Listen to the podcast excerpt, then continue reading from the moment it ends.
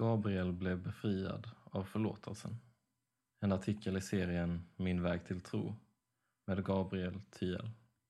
Gabriel valde att gå sin egen väg och fastnade i ett porrmissbruk. Men Gud förlät honom och idag är han en helt ny människa. På grund av problem i familjen kom Gabriel som 16-åring till ett fosterhem. Han beskriver sina fosterföräldrar som två väldigt kristna människor. Han blev nyfiken på hur de levde och ställde många frågor som de svarade på. Jag började känna att jag ville vara en del av det. Men det var mer gemenskapen än själva tron. Gabriel tyckte framför allt om församlingen och människorna han träffade. Inom sig hade han även börjat tro lite grann. Men det höll inte. Begär över regler. Gabriel fick uppfattningen att man måste vara på ett specifikt vis som kristen och följa alla regler till punkt och pricka. Efter gymnasiet kände Gabriel att han inte ville följa dessa regler. Han ville istället uppfylla sina begär. Han ville testa det där onda först och sedan kanske komma tillbaka till tron och reglerna när han blev gammal. Jag tänkte att om jag säger att jag inte tror så gäller reglerna inte mig och då kan jag fortsätta göra de här dåliga och själviska grejerna.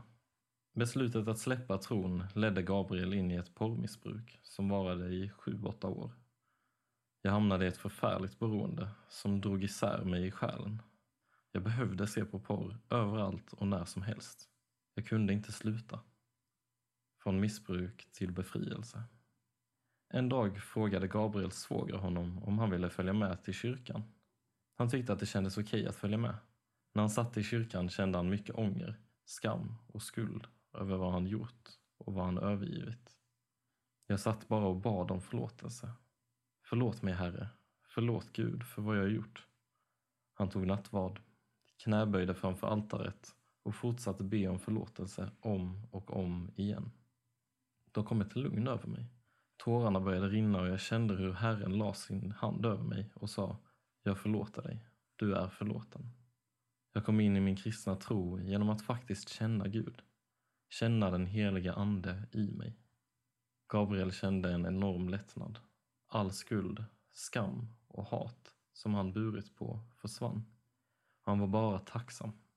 Allt som höll Gabriel fast i beroendet släppte och han upplever att han blivit så välsignad. Idag känner han sig som en helt annan människa. Jag är befriad.